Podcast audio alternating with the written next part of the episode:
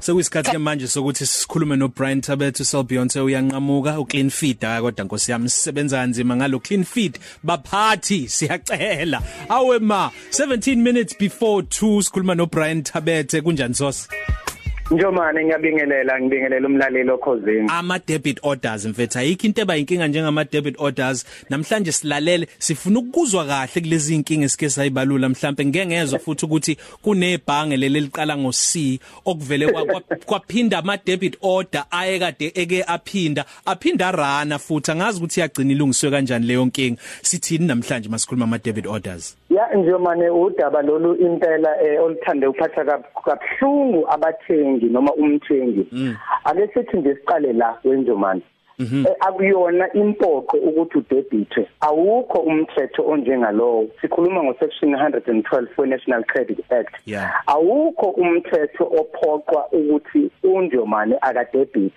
kodwa lokhu kwenzelwa icontrol kwenzela futhi ukuthi kuyenzeka ukuthi sibe nobudedengu ngeke wakwazi siya ukuthi ukhokhele lo uphinde ukhokhela lo uphinde wehle wenyuka. Kungcono ukuthi le mali ithathwe eh, kuwena lesiyacazwa ngendlela. Eh laba abaningi abasuke bedebita phecelezi babizwa ngama user okusho ukuthi lesikhathi beyithatha bona imali kunomhlomulo abasuke bewuhlomula ngokuvuma kwakho kwi-contract konke lokho kusuke kufakwe kungene lapho. Kodwa nake asiqwashisa ngakho. Mm. uma kwenzekile njomani bakudebitha namhlanje ake sithi nje udebithwa u500 rand. Ngenxa yecovid nanokuthi imali ziyashoda e- ebhangi abangayithola noma bathola u200 automatically ngo- ngokukuzenzakalela kwakho uzobuyela emuva ngoba kuyona imali e- elapha yakwi mandate form. Ngoba wonke umuntu okudebithayo nje manje kuneform alisayinayo nawo osayinayo elibizwa ngemandate form ukuthi ungadebithwa uma bengayitholi imali ezivumelwane imali abayitholayo kumele bayibuyisele kuwena. Kodwa kwazi ke futhi ke nje manje ukuthi mase kudlule izinyanga ezimbili bengayitholi enyangeni yesithathu bese be-eda ama areas kwi debit yesithathu. Umthetho uthi abaqhubeke badebithe lo 500 bese ama areas ngoba khona wona. Bese bewafuna ke eceleni kuwena. Seningenza ke enye mandate eseceleni futhi yokuvumelana ngokuthi lokho okuningi sengikweleta manje ngicela nikufake la. Kodwa bakwazi ukuvele bayishintshele bona imandate form mayithe u500 kumele kuhlale ku500 Angingene lapha, angifuni mm yeah. Kuhle kwebhanoyi okuwukuthi mase likushile likushile kodwa yize lingakahambi.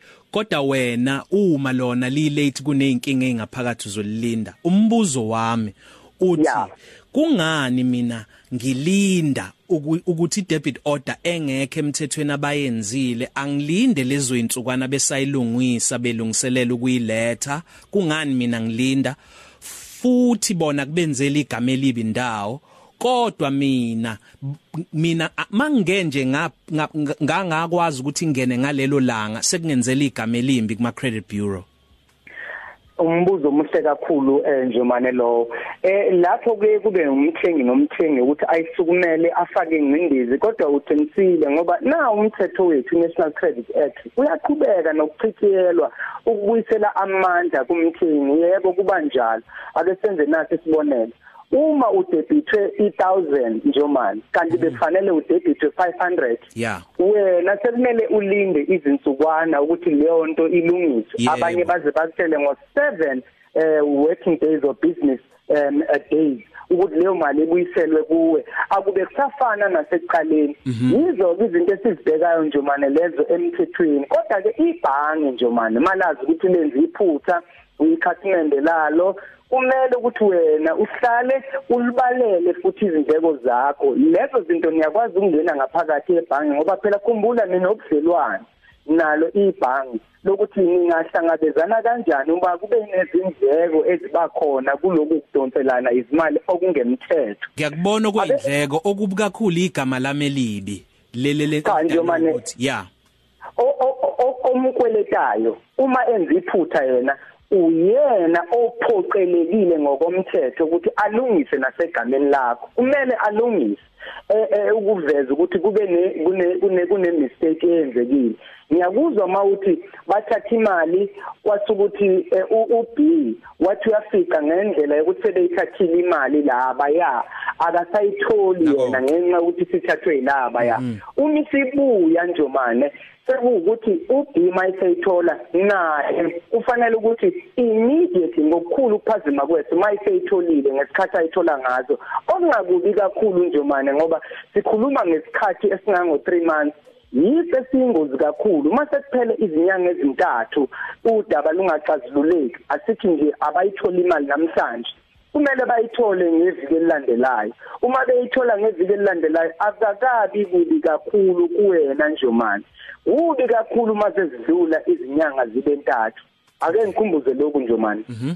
Uma ibhange malithi liyayifuna imali lithi liyayithatha lingayitholi kuwe inyanga yokuqala. Lifika kwenyanga yesibili lithi liyayithola liyayifuna lingayitholi inyanga yesibili. Khumbula befanele kulazise nawe ibhange mawungeke ube nemali yanele ukuthi kulezi zinsuku ngeke kuhambe kahle ngoba uyabakhokhisa imali enkulu lokho. Alikwazi ke ibhange ukuqhubeka likudebit enjomane enyangeni yesithathu. Kumele liyikhansele leyo debit order. Iyobuyiqalwe kabusha ngemandate form entsha ngoba iza nama areas iza namaningi ama charges aphezukwayo zimbili nje izinyanga vo enginikwe zona ukuthi ngikudebit okudlula lokho angisakwazi ukuqhubeka ngikudebit kumele ngikufune kumele ngikufonele ngikwazisa ukuthi lungisa baba kwenze njani? Angibuze la Brian.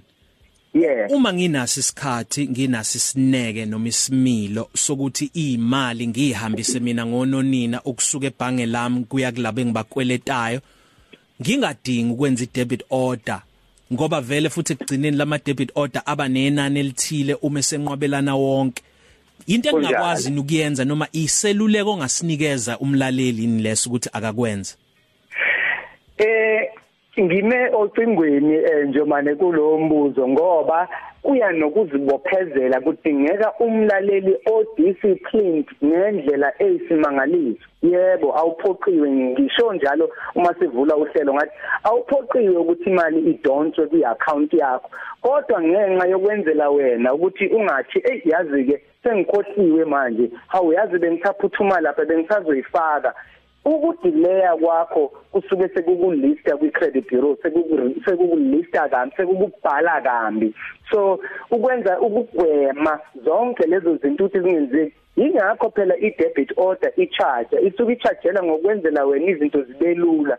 Kodwa mawuyisosha elizaziyo ukuthi yisosha elizikhuzayo uqijile uzokwazi ukukumela nyanga zonke ukuthi uphume ngene ukhokhe ngesikhathi ungavinjwa traffic ungabi na delay indawo ungakwenza lokho.